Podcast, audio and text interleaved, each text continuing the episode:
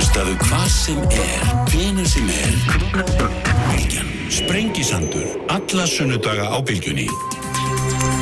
Sæli hlustundur Rólum stað hérna sprengisandunum Sprengi sandinum afsökið, Vanda Sigurgestóttir verður hér lók þáttur verða hérna líka á 12. tímanu lögmennir Gunnar Ingi Jóhansson og Eva Haugstóttir byrjum í Úkrænu hins vegar uh, Njálf Trösti Fribertsson verður hér uh, Hilmar Þór Hilmarsson uh, Sveit Helgarsson er sestur nú hjá mér Katrín Jakobsdóttir Fásinsráður Sæli blessu, velkomin Takk. Heiminn konu kvolf Já, það er óvægt að segja það. Já, og þarna Já, það er eiginlega bara óvægt að segja það Já, þetta kannski, þessi atbyrðarás sko minnir okkur á hvað það fellast mikil verðmæti í friði Já, og já. fyrir okkur sem erum auðvitað njótum þess að hafa búið sko við frið svo lengi mm. sem eru auðvitað bara undirstaða allra okkar efnæðslegu og samfélagslegu framfara þá er náttúrulega ótrúlega dapilegt að sjá nánast sko ég- bara á nokkurum dögum bara okkur fara eiginlega bara okkur svona henda aftur á baki tíma nánast já. þegar við horfum til þess Aftur um nokkra ára, tíum Nákvæmlega og þess vegna hefur verið svo skýr krafa og það hefur verið mjög merkilegt að fylgjast með umræðinu og allt því að vettfangi skýr krafa um að rússar láti af þessum hernaði. mm Því það er náttúrulega undirstæða þess að það sé hægt að fara byrja að tala saman. Já, sko. já, nákvæmlega Það En er- því miður þá stendur þessi innráð sem þá af fullum krafti Já, já, og uh, hún hefur auðvitað verið bara harlega fordæmt og mjög mikil samstaða og kannski jafnvel hérna meiri samstaða en menn þorða að vona um það. já Þú varst hérna að leita á fundi náttúrulega var það ekki fyrir helgi Já, Um allarsasbandalarsins, fjarfundi, já. já. Stóra spurningin er auðvitað hvað ætlar allarsbandalega að gera ef eitthvað Já, það þetta, uh, er þannig að það kom náttúrulega fram mjög skýr afstafa Mhm, þarna. og það sem við sjáum þetta er að þetta stríð af hálfu Vesturlanda fer mjög miklu leiti fram á öðru sviði en hinnu hernaðlega, það er að segja hinnu efnaðslega. Uh, það breytir því ekki að auðvitað eru mjög mörg ríki að senda hergögn Já, já, til Úkrænu uh, já, sem er mikil stefnubreiting af þeirra hálfu. Já, já, En efnahagslega refsæði aðgerir sem við erum að sjá núna eru náttúrulega miklu uh, sterkari en við höfum áður séð í bara setni tíð. Uh, og þar höfum við Íslendingar tala mjög skýrt til að mynda hvað var þar sviftkerfi sem var tilkynnt núna í gerskvöldi Já. af hálfu Európa-Sabasis aðgerið kakvart rúsneska sælabankanum. Við e, vorum að upplýsa rúsnesk, e, fulltrúa rúsneskra stjórnvalda um lokun lofthelginus núna í morgun hér á Íslandi sem þýðir að öll loftför skráði í Íslandi, eða sem sagt skráði í Rúslandi, Já, geta ekki flóið um íslenska lofthelgi. Uh, síðar í Og að dag, þetta á við farþegarflug og engaflug og enga þúttur skráðar í Rúslandi, Já, já, mhm og það sem er mjög ábyrrandi í, uh, og síðar í dag verður tilkynntum uh, sem sagt, vegabrís áriðanir, að það, það verður sett stopp á þær. Það merkir það að rúsneskir ferðamenn geta ekki komið til Íslands eða hvað? Það merkir það. Um, sko þannig að þetta eru mjög umfangsmiklar aðgerir og Mm. þær eru líka uh, markmiðssettar uh, hvernig maður orðar það þar Mm. sé að þær beinast að þessum hópi sem eru það sem við köllum ólíkarkarnir sem uh, við vitum að eru þetta svona í kringum rúsnesk stjórnvöld uh, og Putin Já, já, sem er sá hópur sem hérna, við vitum að hefur skipulagt það sko á, á sko, hvað getum við sagt? Er alltaf með það plan líka að geta verið í Evrópu uh, gengið þar í skóla Já, nýtt sér, nýtt sér þau gæði sem þar eru. Já, já. Þannig að það er auðvitað verið að horfa til þess. Vætt að illa fengið því það er verið að horfa til þess að, þessar aðgeri nái til þessa hóps, ólíkarkana sem Já, við bara já. notum það orð sem venjulegst Já, að já. nota Sko, það er mjög fróðult og forvittnilegt vegna þess að þetta er, er þetta þannig að sérstaklega í Breitlandi er þeir hérna, og náttúrulega kýpur líka en, en kannski sérstaklega í London þetta sem er nú uppnefnd London grad oft af því að það er svo mikið rúsneskum penningum þar og er nú áhugavert að heyra við erum hérna breski fórsettranan tilbúin að loka og það er eins og það var nú mjög stórt skref Já, ég menna þannig, sko, umræðan um þessar efnahagslegur refsæðakir hefur verið á þessum nótum Mm. og við vitum það öll að þetta auðvitað tekur tíma, en þetta uh, er samt að skapa mjög mikinn þrýsting á stefnubreitingu, því þetta er sá hópur sem hérna er næstur stjórnvöldum Já, já, og uh, Putin. Já. Þannig að það er auðvitað hugsunin á svíður bak þetta þetta. Já, og við vitum það líka að það er aðgerið sem áður hafa, sem áður hefur verið beitt. Uh, við þeim hefur verið brúðist með því að auka í raun og veru heimaframleyslu Já, en þarna erum við að vonast til þess að þessar aðgjörðir í raun og veru náða til þeirra sem hafa emitt viljað já, já, uh, eiga sér uh, hvað getur við sagt? Já uh, annað heimili jafnvel í, í uh, okkar löndum. Já, já.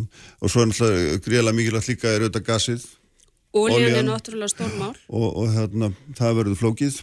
það verður mjög flókið en, en þar hafa líka orðið stórtíðindi hvað varðar þessa nýju leyslu, Nord Stream Já, leyslu já, já, og það er einmitt rætt um það, þetta er svolítið merkilegt að það af svona hálfu uh, vesturlandana þá snúast þessar aðgerir annars vegar um fjármálakerfið í raun og veru og efnagslegar aðgerir og hins vegar um orkukerfið.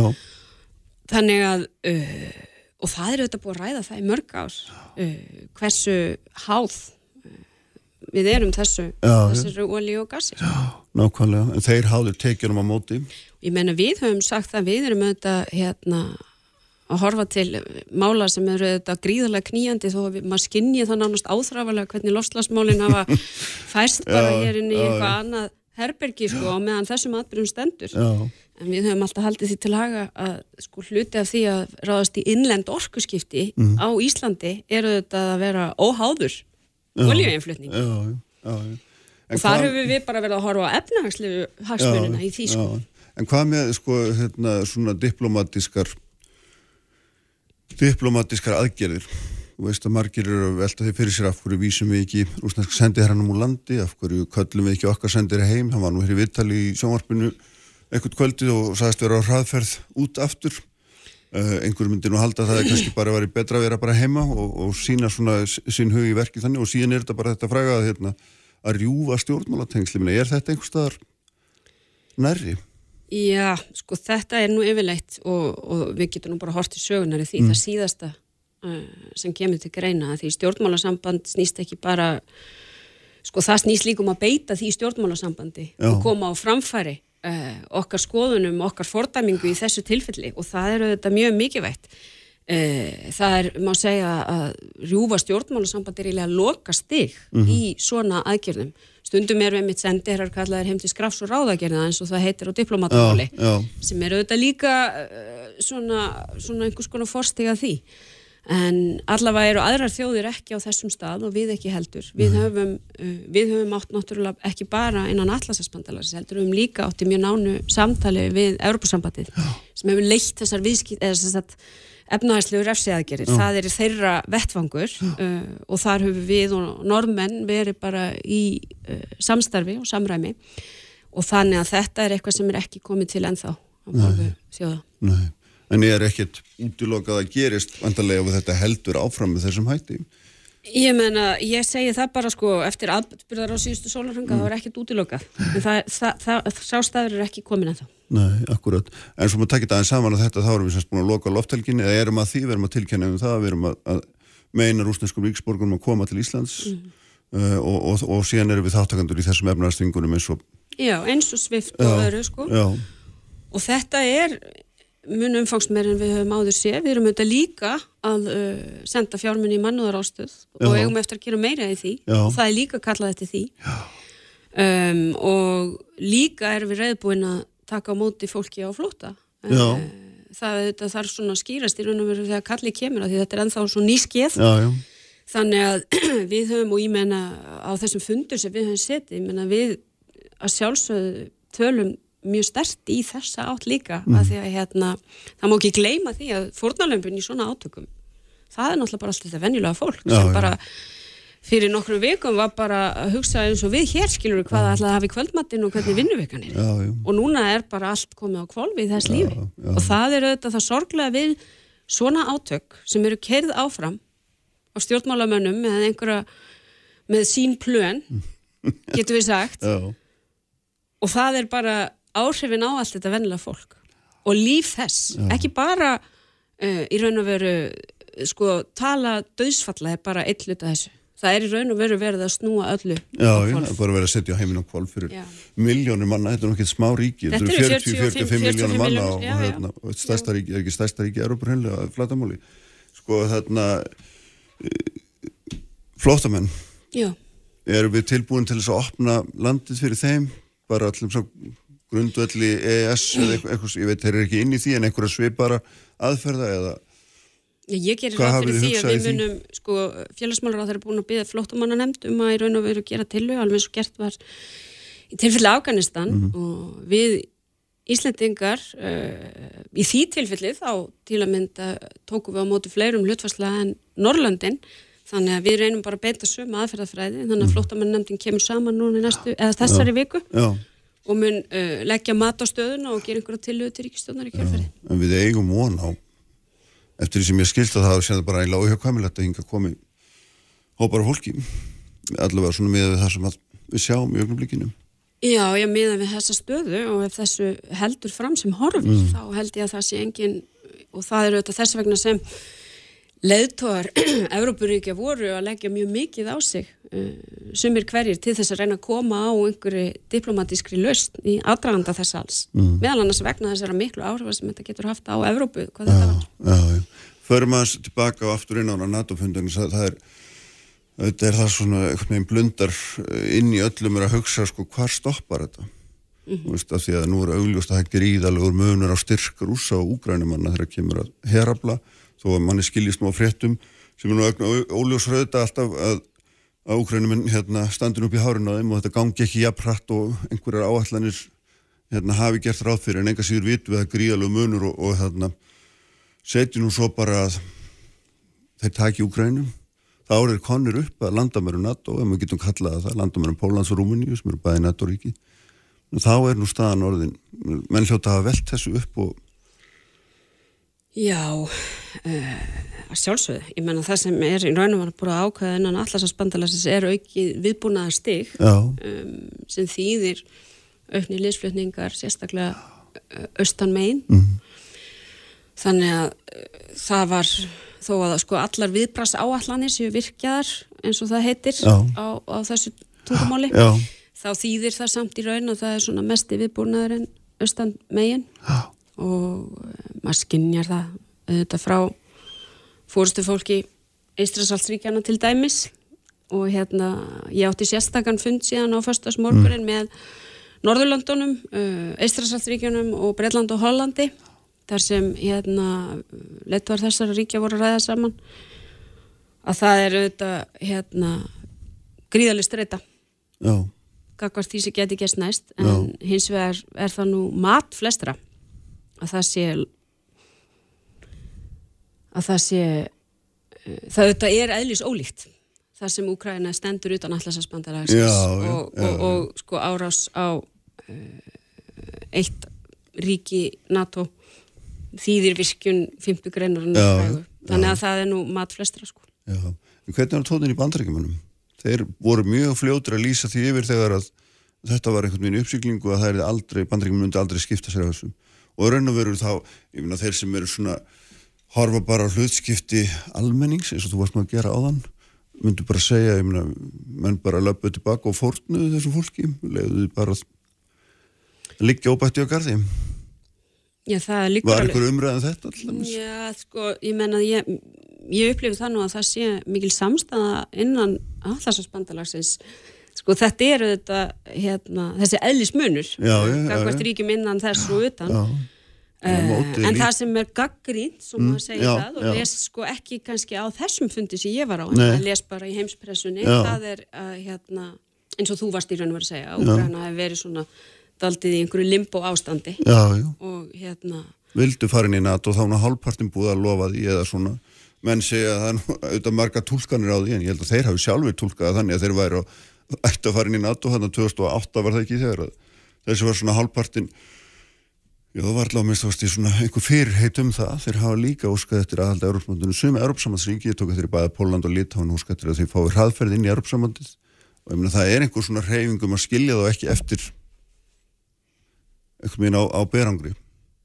En Já, ég menna þetta er, ég menna maður les, skilur þess að ég segja, en það var eiga síður sko mikil samstæða innan á þessum fundi sem ég var á um þær aðgerri sem er verið að ráðast í. Mér fannst það vera það sem svona var algjörlega skýrt að það var samstæðum nálgunina, samstæðum nálgunina í þessum efnaðasaðgerðum, það var mikið rætt um þær þó að þær séu ekki benninis á vettfangi allarsins bandalasis, það var mikið rætt um að því þarna var ekki búið að taka þessa ákvörðinu sviftkerfið, þá var hún sko mjög mikið rætt, þannig að uh, það fannst mér vera, mér fannst þessi lína nokkuð skýr mm. á þessum fundi. Já, umhund, nákvæmlega, en minna það er svona líka, ég veit ekki, einhverju lengri tíma pælinga náttúrulega er augljóst að sko, eða manni finnst ekkert minn í dag er augljóst að rúsast nú ekki tilbaka inn í alþjóðakerfið eftir þetta.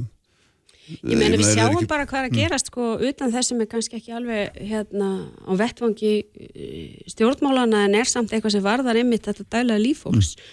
Okkar maður Ragnar Kjartansson lokaði síningunni sinni já, já. og hérna þó að þetta sé kannski symbolst í huga fólks já, þá er þetta stór mál. Þegar við kemur að menningu, listum, íþróttum, ef við skoðum söguna þá þarf mjög mikið til að þessi svona að þessir þættir láti undan í alþjóða samskiptum Já.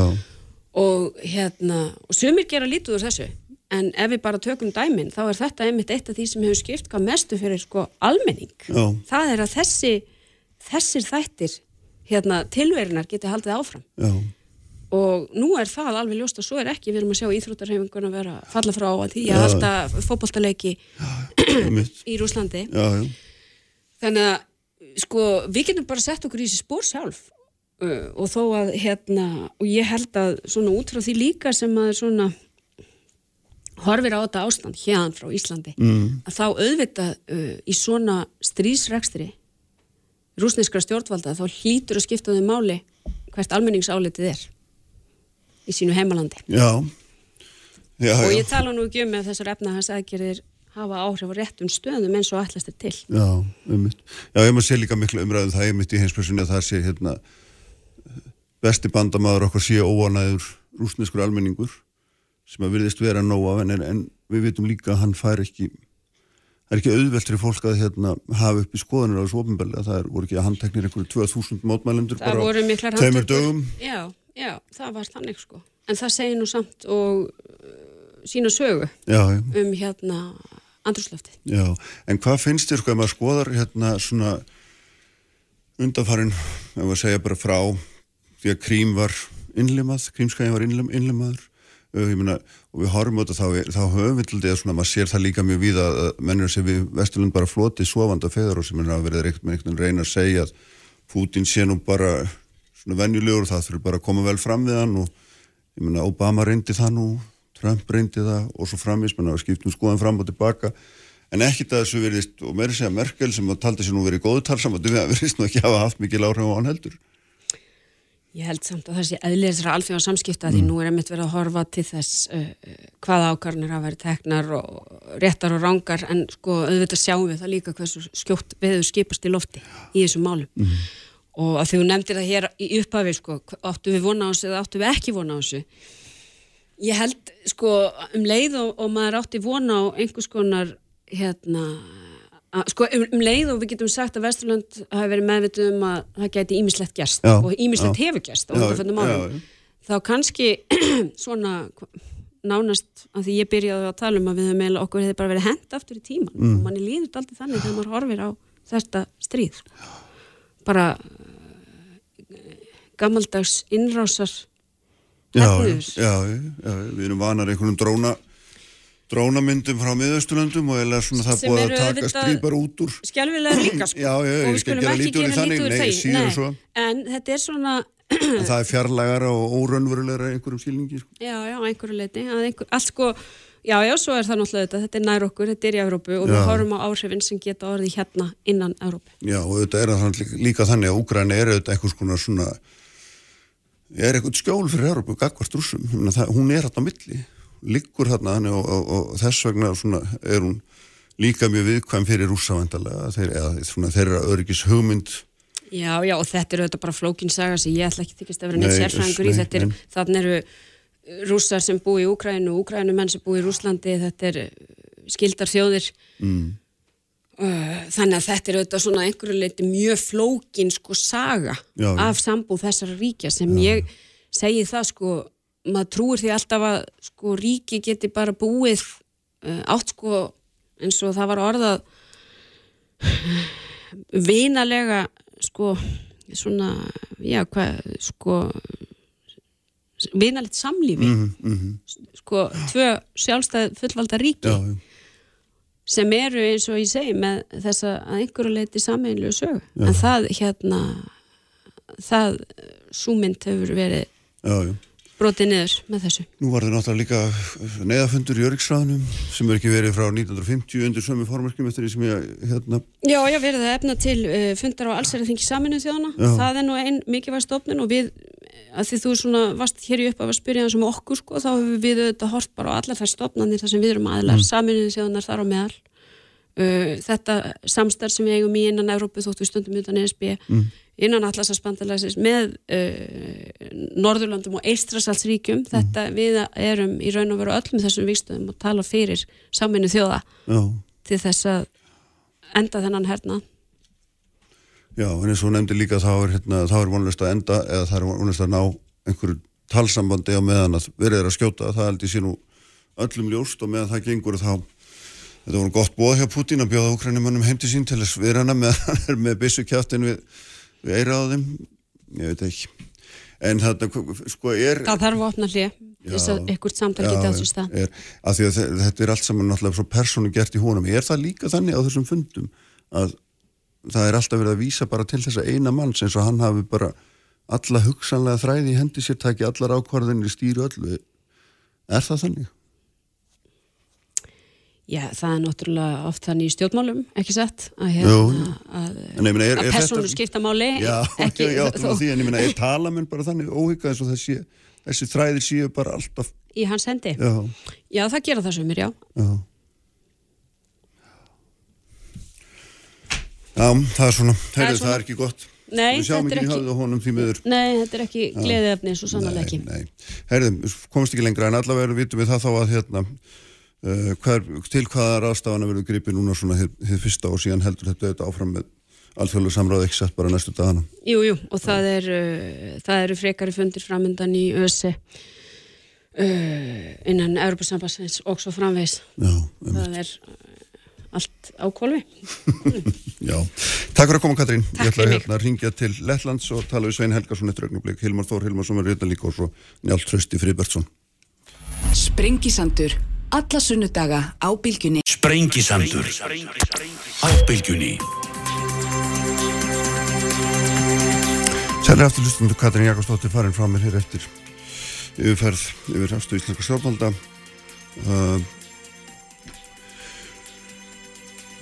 Símanum Sveit Helgason frá Lettlandi. Sveit Helgason utan fyrirhandi fréttamaður uh, starfa núna fyrir íslensku utaríkstjónustuna búin að vera bæði, eða búin að vera víða um, um Evrópu undarfærin ár í Brussel og Litáin og núna í Lettlandi. Sæl blessaður Sveit Sættabæsar, Hvað hérna, mér langaði aðeins að fá þig til þess að lýsa fyrir mig bara svona andrumslóttinu vegna þess að af sögunni þekkjum við það að það eru fáar þjóður jafn óttaslegnar eða jafn skelkaði við rússa eins og, eins og Eistras allt þjóðunar her voru auðvitað undir játnhæl Sovjetríkjana um áratuga skeið og, og fögnunum mjög þegar við komist þaðan. Hvernig er svona hvernig er, hvernig er hérna er, er andrumslóttið þarna? ég held að það sé mjög gott að lýsa andumsláttinu með stemningunni sem að var að kvöldi fyrsta innrjáfsadagsins í Vilnius, höfuborg Litáin, þegar þúsundir Litá og elendur gestur á fleiri fóra sendir á því Rúslands í borginni og, og mótnælt innrjáfsunni og, og síndu um, Ukrænijumannum sinn stuðning og í verki með þessum hætti og þar vildi líka svo til að innrásina bar upp á sjálfstæðisdag Eista sem er, er 24. februar. Þannig að það var eðlega mjög, mjög sérstakur dagur en, en vissulega er þetta rétt hjá þér. Sagan er ljóslífandi fyrir uh, íbúðum hér.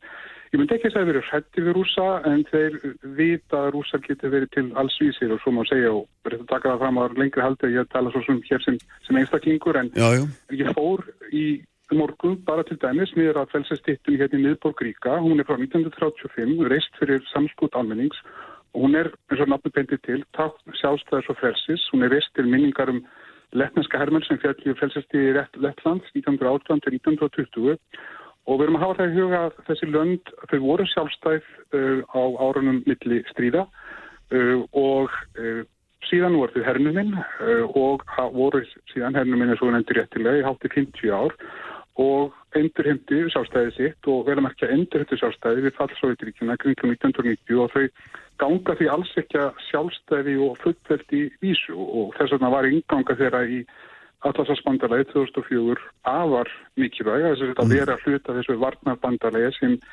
sem snýst að stand, um að standa vörðum gildi sem snúast um frelsi og líra og ég held að sem er mikilvægt að hafa það í huga að þessi gildi að þau eru uh, grundatur aðri í þessu, þessu öllu saman. Og við höfum líka séð hvernig ráðumenni þessum löndum hafa staðið tett í bakið á, á lögumöndum stjórnvöldum í Ukrænu og voru í kýf réttir innrásina og hafa veitt þenn markværslega stuðning, hernaðarlegan og fleiri og þau vita fyllilega hvar í húfi. Og, og það eru bara 30 ár síðan rétt rúm síðan sovjerski skreitrikar voru hérna á gödum ríka borgarbúar uh, í janúar 1991. Borgarbúar erstu götu við til að verja líkilbyggingar og mannverki.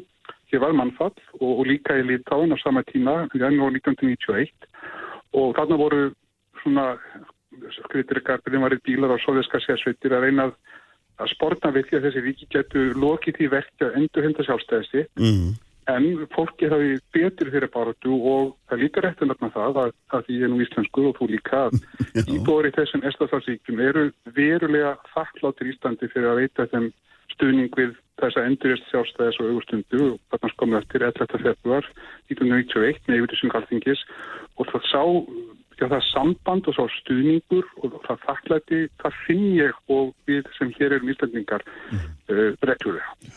En er, er hérna En þú segir þessi ekki hrættir og, og það kannski aðstæðan líka vera að nota það orðinni minna. Mér, mér, það, það hlýtur nú samt sem aður að vera þetta tólka þannig að, að það er óhugur í fólki, er það ekki? Þetta er nú ansi nálagt og, og, hérna, og svona miklu, miklu drastiskara heldur en flestir áttur nú kannski snegra meira og svo framvegis.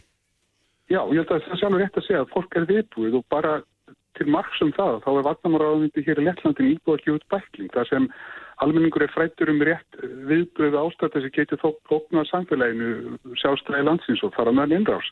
Hvernig fólk getur bjarga sér, komist af að það var fyrstu þrjá sólarfingarna slíku ástandi, kennaðum að þekkja herbúninga lettneska hersins og þá herbúninga húsfælega eh, einásaliðsins að hans er öðruvísi, sjúkalflutningsliða, lögreglu og það eru skýr skilabóðum að Lettland verði varið, njótið vendar gegn þá húsfælega innrás eða aðstæðandi óp og að lettneski herin og bandamenn lettland sína að tómunni venda þjóðina og vel að mekja, bara í ljósi Úkræn og þess með þeirra gerast það að í þessu bæklingi kemur fram að alla fréttur um uppgjöf og að fólki að láta á allir ansbyrnu þetta er lítið á þær sem falsfréttir. Uh mhm. -huh. Bara eins og við sáum með fórsetta Úkræninu og hann, hann byrti þetta myndbandar til að sína fram á það að hann hefur alls ekki flúið eins og úrstmiskir miðlaði að falsfrétti voru að halda fram. Uh -huh. Og þetta snýst um rauninni um að allt samfélagið sé tilbúið að að verjast innrás, að mobilisera fólk, er svo maður að segja. Það verður ekki fólk til meðutundar, ekki ala á stríðsóta en að allt samfélagsi tilbúið er fullveldin rókna. Og það er grunlega þá litið á það sem einhvern möguleika, ég veit ekki hversu hátt prósturlutur maður ætti að gefa, en það er auðvitað þá hérna litið á það sem einhvern möguleika, ekki það? Ég myndi segja að, að, að þessi, hefur auðvitað það sem, sem ógn eða að, að þessi ógn er, er svona raunverulega höfum fólks og enn og aftur að við skulum hafa í huga þessa sögum að hún er, hún er ný. Fólk heldur áfram auðvitað að halda hér áfram og vissulega eru mikil eh, samfélagslu tengst hér í réttandi til dæmis til að hafa hlutfall rúsnarskumanandi íbúa. Eh, herra heldur í hinnum landum þannig að það er margvísleg tengst, menningatengst, stjórnmannatengst og á milli þessara landa en, en við skoðum bara landakortið og þetta eru smáríki alþjóðlegum skilningi um íbúafjölda og stærð sem sagt varðar og ég sem sagt, svo ég nefni östu hvað ég, ég er eiginlega að gera hér, ég er hérna í Lettlandi på 1. september og ég starfa sem borgarlegu sér frá einhver í fjölþjóðlega liði Allarshalsbandalagsins sem er í þessum fremurlöndum hérna í Vestasaltið og líka Pólandi frá 2017, fimm ár og var sendt hingað. Í kjálfæð þessar rúsar innlimuðu ólögulega krímskaða og stuttu svo kallar aðskynjaði sinna í Donbass í östulluta Ukrænu og það er yfir 20 ríki að þriðju aðaldaríkjum sem leggja til hermenn í þetta fjölþjóðlega lið og, og íslensk stjórnvöld hafa lagt fram borgarlega sérfræðinga upplýsingarnurinn í öllum þremur Íslandsríkjunum undarförnum árum. Og þessi liður raun, hvað sé, liðstyrkuði herafla heimamann og vinna náðu með þeim og það eru líka hérna bandriski þær menn nokkur reglulega og náðast samfælt í þessu löndum og, og stjórnvöld hafa kallað eftir ja, enn aukinni viðveru þeirra og, og en þessi grein 5 í, í sem sagt Norður Allarsson Sandnarálum, Washington 30 sem að Þorstisáþra nefndi og þeir líka mm. hún er náttúrulega sjálfsög mjög mikilvæg að árás á eitt naturíki sé árás á þau öll og þess vegna eins og Katrín nefndi réttilega að þá er eðlis munur á því sem er að gerast í Ukrænu og, og sem sagt hugsanir okkur sem stegðar að, að þessu löndum hér, þau eru yeah. í NATO og það skiptir stjórnvöld og myndi ætla almenning verulega máli. Finnst þér hérna, svo, þessi ríkir er svo nálægt að þau telji einhvern veginn svona vestuveldin hafi, hvað er maður að segja, en sofið á verðinum gagvart, gagvart Putin og hans liði? Ég myndi ekki beinir segja það en, en vissulega bara við fylgjum með þettum að það hafa ráðamenn í þessum löndum verið svona eins og maður segir á einsku vókal fyrir að hafa verið svona Ávaris, já, já, í, í sinni afstöðu og, og komið sínum sjónamöðum skipt á framfæri. Uh, og ég er nokkuð vissum með sjálf sér viltu þeir kjarnan að hafa haft ráttir sér varandi það sem er núna að gerast í Júkræni þessi innrás, rúsa þar En, en enn og aftur við þurfum að líta á, á söguna að þau sem sagt uh, náttúrulega sóttust eftir því að verða aðlega af þessu bandalegi og uh, NATO mótaði þessar stefnu sem sagt open door policy um að til þess staðu opnar. Og, uh, og það, við erum þessar fjörðfjölu liða hér í, í skipti líka máli og vel að merkja. NATO hefur virkjað varnar á þensinin eins og þau nefndu og líka sérstaklega viðbræðsli þannig að það er erfitt að meta það og, og, og, og það var alveg ljóst náttúrulega að, að, að hérna, það var reynd að sportna við því svo hægt væri að, að Putin ákvæði að gera innráðsatna og Rúsland og við höfum síðan náttúrulega efnaðs aðgerðir mjög harða bara síðast í, í bergkvöldu og nótt eins og þau nefndur eftirlega uh. en, um, en þetta er náttúrulega allt annað stík og vissulega hafa, hafa stjórnvöld í bandaríkunum og flirnöndum gert að ljóst að, að það verð ekki sendir herrmenn NATO-ríkjana þarna inn í Ukrænu en hins vegar bóiten bandaríkjafósiti tilkynntum 350 miljónar dala auka aðstóð og uh, fulltrúar NATO, herrmenn NATO sem sagt og hafa verið náttúrulega að þjálfa ukrænska herrin undan þetta mál uh. og það sérst vantarlega á viðveitunum þannig að NATO hefur veitt um, Ukrænu margvísla aðstóð í tengslu við sem sagt að Úkræni hefur verið svokallega partner en vissulega ekki fullgildur aðili að það er Úkræni hefur sóst eftir að verða fullgildur aðili og við ræðum þannig að breyka við heilmennin það, það hefur verið það hefur notið stuðnings í SSHs ríkjunum ekki sett Ég fór eiginlega ekki alveg fullir um það, ég er svo sem ekki kynnt með það alveg en ég, ég býst við að, að, að, að sem sagt, sagt stjórnvöld hér hafa verið mjög einhuga í samstöðu sínu og stuðningi við að Úkræna sem sagt verið að njóti allavega stuðni sem hægt er að gera en við að hafa þegar við náttúrulega að NATO byggir á samstöðu þar að segja að öll uh, núna 30 ríkin verði að vera sammála um það að, að, að hérna að hleypa ríkum inn og að móta stefnum samfélagsins. Það getur tekið langa tíma stundum að taka ákvarðinu með þeim hætti en það er líka styrkru uh, bandalagsins að vera sína samstöðu mm. í þessu efni en, en hérna en enn og aftur þessi heri hér hafa verið að, að efla sig sem sagt mjög og, og, og styrkja sig og við skulum lítið hafa í huga bara að við lítum áttur á landafæðina að Kvítarúsland, það að sem sagt rússar notuðu Kvítarúslands Rúslandi að Belarus sem einn af hvað sé að stökk pöllunum fyrir innrásin í Úkræni, það skiptir máli Já. Því að Íslandsarslundinni landa með Rúslandi og Kvítarúslandi ef við getum dæmis bent á Súvalki hér svo kallega, þetta er 100 km löng landamæri Pólans og Leitaðin og er eina tenging Íslandsarslíkina við hinn NATO-ríkinu landi. Og þetta er hernaðlega mikilvægt svæði og sitt hverjum einn eru Kaliningrad sem er rúsnest landsvæði og einfallega vikreiður innum einn kvítöksl. Það skiptir máli og, og, og sem dæmi alþjóðlega herlið aftalsansbandalagsins er í bænum Rúkla sem er ekki langt frá uh, svo varki hlýðin. Þannig að við verum að horfa á landafræðina, horfa á söguna og, og horfa á herstyrk rúsa hér og meta stöðun út frá því. En, en eins og segju það er erfitt að spána um framhaldi og það hefur, já, það var þessi dagar sínt okkar undan þetta. Nákvæmlega, Svein Helgarsson í Lettlandi. Takk fyrir að vera með okkur í dag.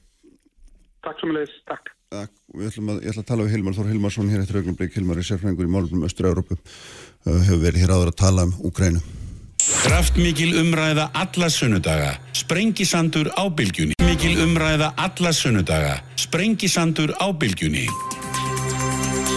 Sælur aftur, uh, Svein Helgarsson frá Lettlandi, fannum símanum Hilmar Þór Hilmarsson, professor á Akureyri er hjá mér núna Hilmar Sælur Blessaður. Sætlastu, góðan dag. Góðan daginn, góðan daginn. Heyrðu, við höfum nú hérna verið hérna nokkur sunnu saman að tala um Úgrænu. Það var nú ekki staðan svona alvarlega en allavega var það svona rauðu þráður held í sig í þeim, því samtalið þarna væri þjóð sem að mætti einhver leiti muna fívilsinn feguri og en væri þarna klemt á milli svona sína óska á vonum að komast inn í Vestur-Európu stórum hluta og, og svo hérna þessa rúsneska bjarnar fram sem að síðan byrtist úr austri og, og hérna og þetta er staða núna, segði mér aðeins svona þínu löngur einslega að fylgjast með þessu, ég meina ef við tölum bara eins um NATO í þessu samingi ég meina, ég, við heyrum það á tali uh, úkrænskra ráðamanna þeim finnst, hérna, þeim þykja að Vesturland hafa bara yfirgjöfuð þá. Hvernig svona, hva, hvað myndir þú segja við slíkum staðhæfingum? Já, ég bara vil segja að það er mjög ískikilegt ástand í Úkrænum, ég sé að það, það er nú að hertaka Karki sem var gamla höfuborgin Já, já.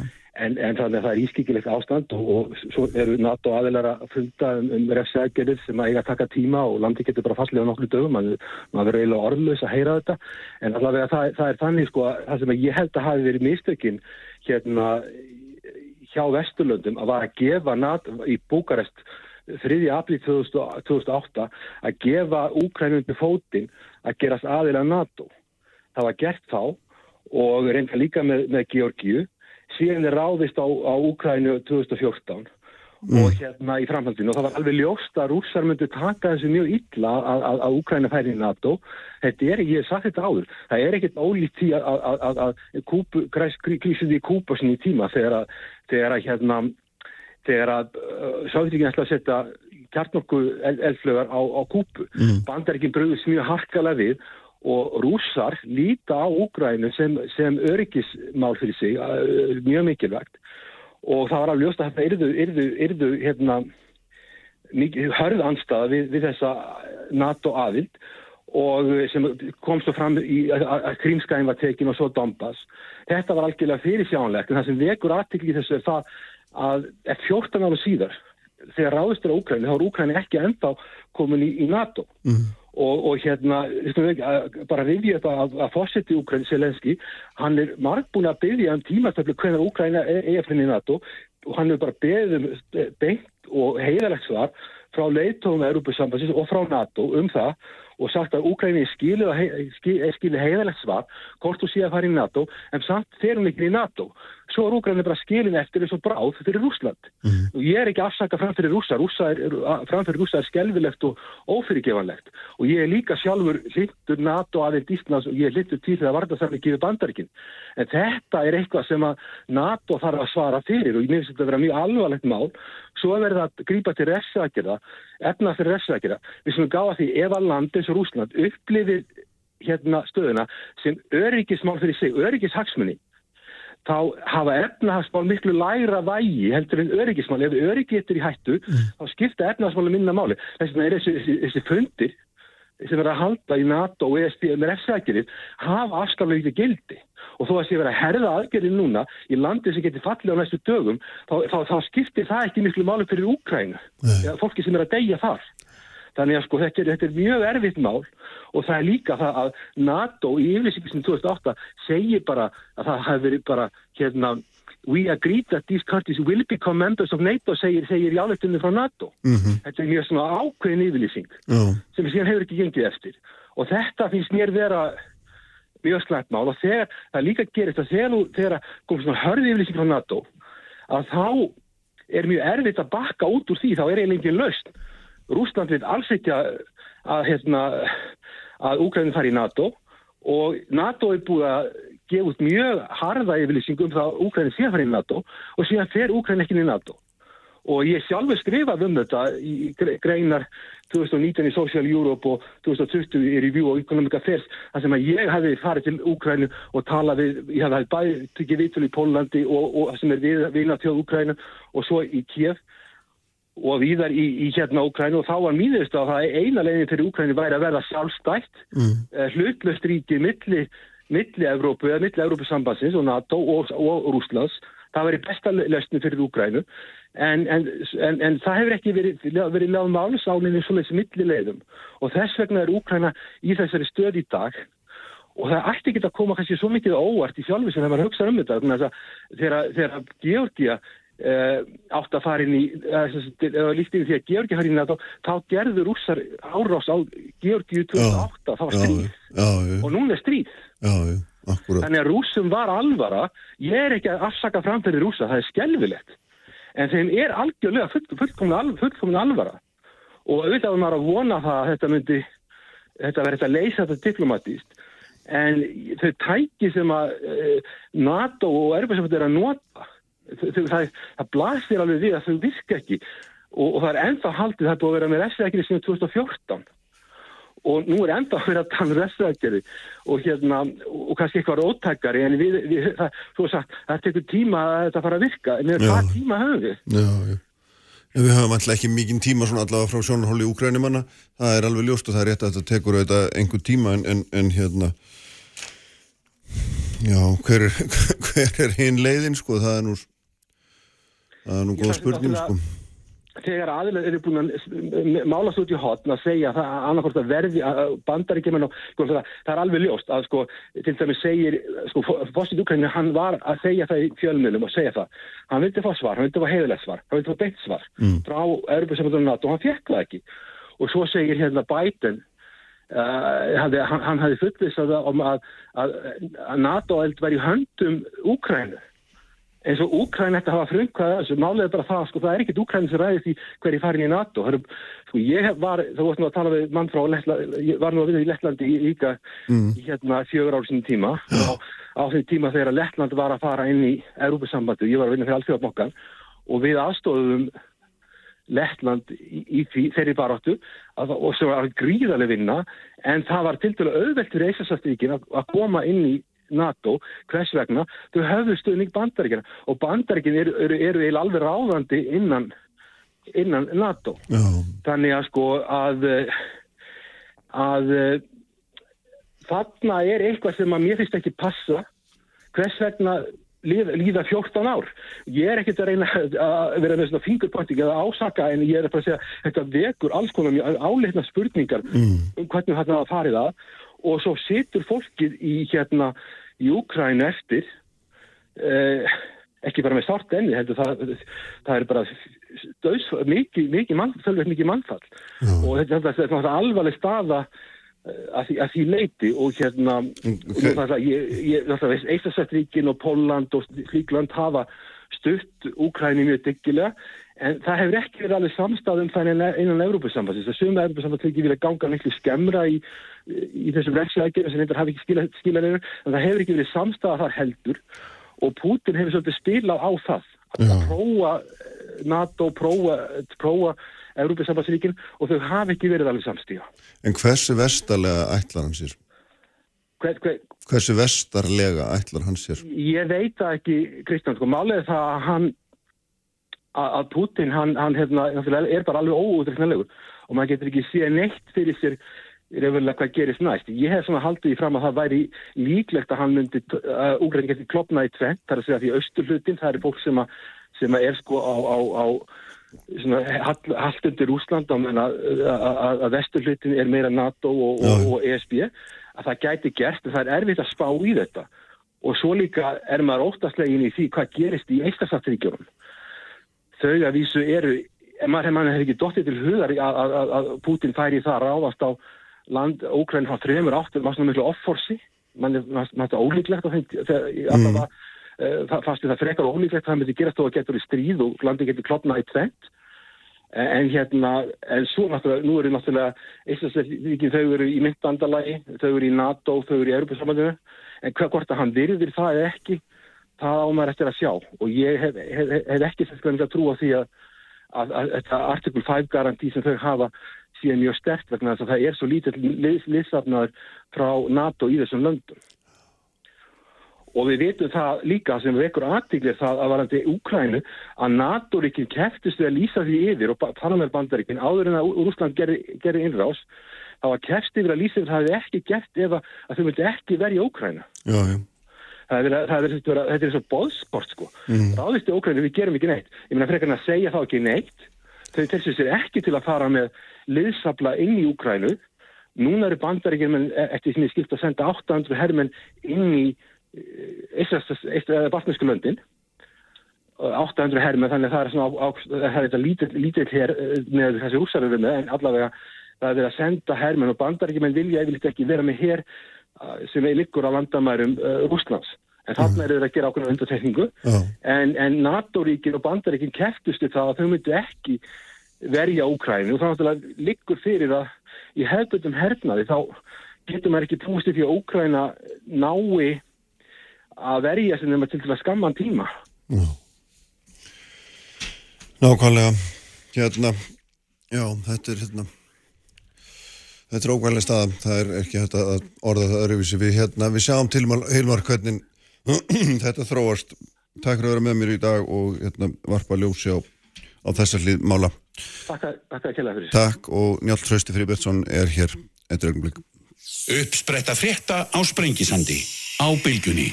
Bylgjan, bylgjan, bylgjan. Fréttir, fróðlegur og frábær tónlist. Bylgjan. Uppspretta frétta á Sprengisandi. Á Bylgjunni.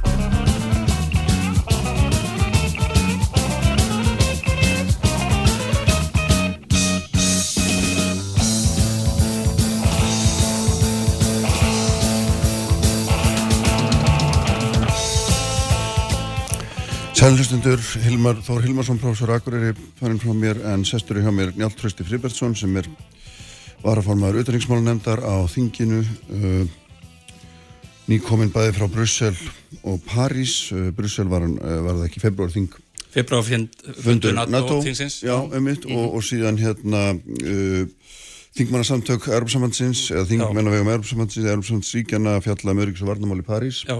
þannig að þú ert hérna kemur glóðvolkur úr hringið umræðunar í, í Evrópu og það er nú það sem er mjög svona ávert að heyra aðeins frá þér hvernig, hvernig þú metur stöðuna og, og þetta er þetta svona eins og það sem maður hefur verið að reyna að ræða hérna í morgun að hvernig verður þetta stöðvað? Já, með hvaða hætti, hvað, hvað, hvaða svona rattir flyttur okkur úr? Já þetta var náttúrulega alveg uh, ótrúlega áhugaverið vika. Já, Uh, Við erum á fundi á mánudeginu með fastabutrúum uh, NATO-ríkjana og sendiherrum í, í Norður Allarsráðinu, þess að sagt formen stjórnanemnda, formen landstilda NATO-þingsins.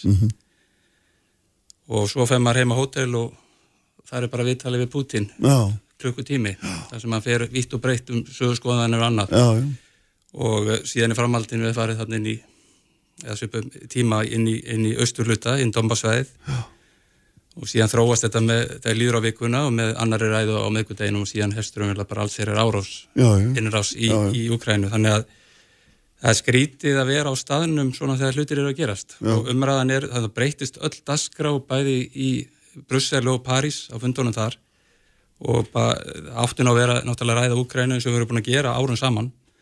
En þarna breytist þetta allt yfir í þetta, þessa innrás og, og, og þetta var þá áhrif aldur allir umræðu. Ég held að svona bara í grunninn að þá líti þingmenn á og, og, og þessi umræðu sem fór, fór, fór fram í vikunni á að það hefur ekki verið svona ástand í Evrópi 30-40 ár. Og síðan var líka bæ, bætt í að, að fræðumönnum að vantarlega myndi þessi innrás rúsa í Ukrænu móta æði margt næstu 30-40 árum í Evrópi í allri umræðu. já, og sá franski professor Sorbonne sagði að þetta væri, þetta væri ótrúlega stórt í sögu Vesturlanda. Mm -hmm.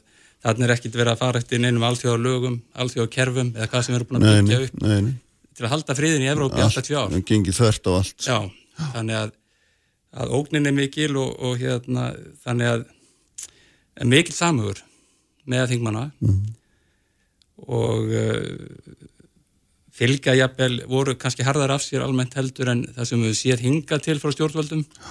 En mér heyrist nú, við erum nú að sjá fréttir uh, berast nýjar bara í morgun og síðustu nánast að hverjum einasta degi, það er herða á og, Já, já, og væntalega halda menn áfram í þeirri vegferð að, að herða á já. En þegar þú segir að vera mikill samhugur þá hérna hugsa ég að maður væri svona úgrænum maður og lægi undir stórkottar hríða Já. það, það, það, það er ekki mikil sveriði sko Nei. en uh, rættum en eitthvað um er, hvern, er, hvernig hérna á að stöðva þetta með hvað hættu og hvað, hvað vilja sko þessar vestur hvað vilja þessi vesturveldi sem þarna voru gera er raun og veru já, það er þannig að þetta líkil atrið með 50 grein allarsar sam, sammálans já, já. frá 49 að með árásveit ríkir árásöðu öll og eins og við þekkjum þá er þetta líkil atriði að Úkrænir er svona e, samstarfsland já, já, NATO Já. og við erum miklum og góðum samskiptum til Já. langan tíma en er ekki nei.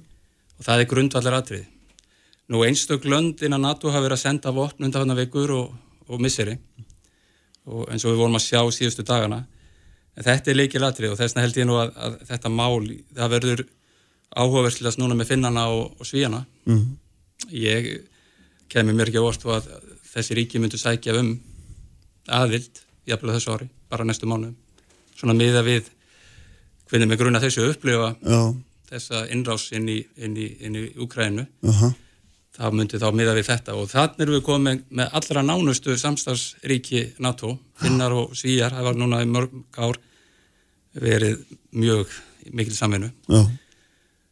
Eh, finnarnir upplifa núna það sem er að geðast í já þetta minnir þá óþægilega á nákvæmlega Já, og þetta er náttúrulega þessi ríki eiga gríðarlega mikla sögu eins og veitrastíðin og finnarnir og þetta, þetta er greift í sál, sál þeirra og, og, og auðvitað er þetta líka greift í sál Úkrænumanna og, rússa, setni heimstyröldin og já, já, móður Rússland og allt þetta sko, eins og við þekkjum.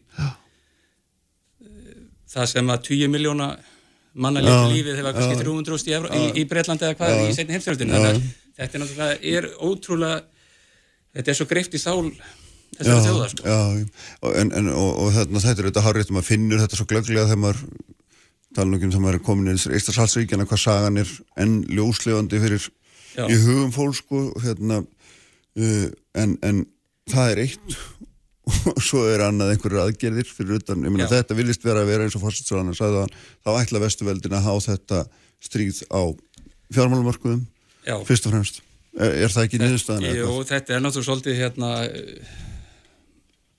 eins og segi það, þessar þjóður eru ekki að Úkræn er ekki að, Nei, nei, að- nei. og það er gríðarlega mikið af punktur Já. Vesturlönd eru núna að fara greinlega hörðustu aðgerði sem hafa verið farnar í svona Mm. viðskiptaþinganir Mhm. nokkuð tíma og við gruna þetta sé ennþá eftir að vera ennþá meira á næstu og styrkjast enn frekar og þetta er náttúrulega skelvilegt ástand ég er ekki vissum að, að, að, að Putin hafi rúsnesku þjóðuna með sér í þessu Nei, verkefni. það er og það er líka það sem er áhugavert að, að fylgjast með uh, maður er aðeins verið að hugsa bara svo í morgun Afganistan fyrir 40 árum. Mm. uh, það fór illa fyrir rússonum þar. Já. þeir upplöðu það með sleim hættu á þjóðin. Eru að fara að sjá eitthvað svipa næstu árin? Í, í, í, í þannig nú 45 miljónir svipa fjölmennt og, hérna, og í Afganistan. En, en það er svo margt hérna í þessu. Við maður fyrir að hugsa um bara landsframlýslu landan á, á, á, á, hvert mannsbatn og allt þetta, þetta gengi efnaðislega hægt frá lokum já, hjá þeim, ef við byrjum þetta saman Vesturlöndin. Og svo er maður líka kannski að bera saman uh, við þurfum raunverulega, það, kom fram í umræðin með lands í vikunni, hvort þetta myndi enda með því að við þýstum raunverulega bara að koma með einhverja nýja marsjálastöð Mhm. til handa Úkrænu og reyna byggja það upp efnaðarslega þetta er mjög fátækt þjóð ég held að fólk gerir sér ekki almennt grein fyrir 4.000 dólarar á ári meðan við erum með 50-70 var var bara mjög sterk en, en hefur, hefur hapað hérna, eða, já, hallanda fæti síðust árin mjög, mjög Já, en, en, en, en sko hérna En Kristján, mér langar Já, að koma já. inn á sko síðan uh, með já. Lettland og Litáin. Þessi fjögur ár sem ég hef verið í NATO-þingi, þá er maður að skinja alvarleika málsins í gegnum þau, Mhm. sérstaklega. Þetta sýtum við mikið að fundu með þeim á ymsu vettvangum og, og þau er náttúrulega oftast stoltið um sig, sitt sko. Og ég hugsa að við í utarriksmálunemnd reynum að, að það verði fyrsta heimsókn uh, nefndarinnar á þessu ári til útlanda að við munum fara til þeirra núna í vor. Já. Fara til að sína okk samhug með þeim aha, og fá betri kynningu á, á, á stöðum ála og kannski fara að hitta finnana í leiðinni. Mm. Að við sjáum það er mikið, þeir hugsa ansi mikið þessa dagana og maður er átt fundið með þeim líka í svona samtöl Mhm. En á þessum fundum sem þú ert búin að vera núna, ég meina, er, eru, það hljóta að vera að skipta skoðanir, það hljóta að vera mjög ólík sjónamið uppi, viðra menn það ekki, hvað segja allir mjög pólverjar, hvað, því þetta er nú bara við bæjarnar hjá þeim. Já, og það er, hefur verið þessi árminn, þessi fjögur í, í NATO-þinginu, þá áttar með þess að því náttúrulega yfir þessi ára að Austur-Evrópa, gömlu kannski Varsjá Já, bandalagslöndin, þau óttast mjög mikið um sinna hag. Og Óttin í Austur-Evrópu er miklu meiri heldur en í vestur, Vesturlöndum. Og uh, ég held að sjá ekki efnið fyrir hans Vestur-Evrópu, Kanada og Bandaríkin, hvað þá okkur Íslendinga, hvað við höfum raunverulega lítið verið að hugsa um þessi mál.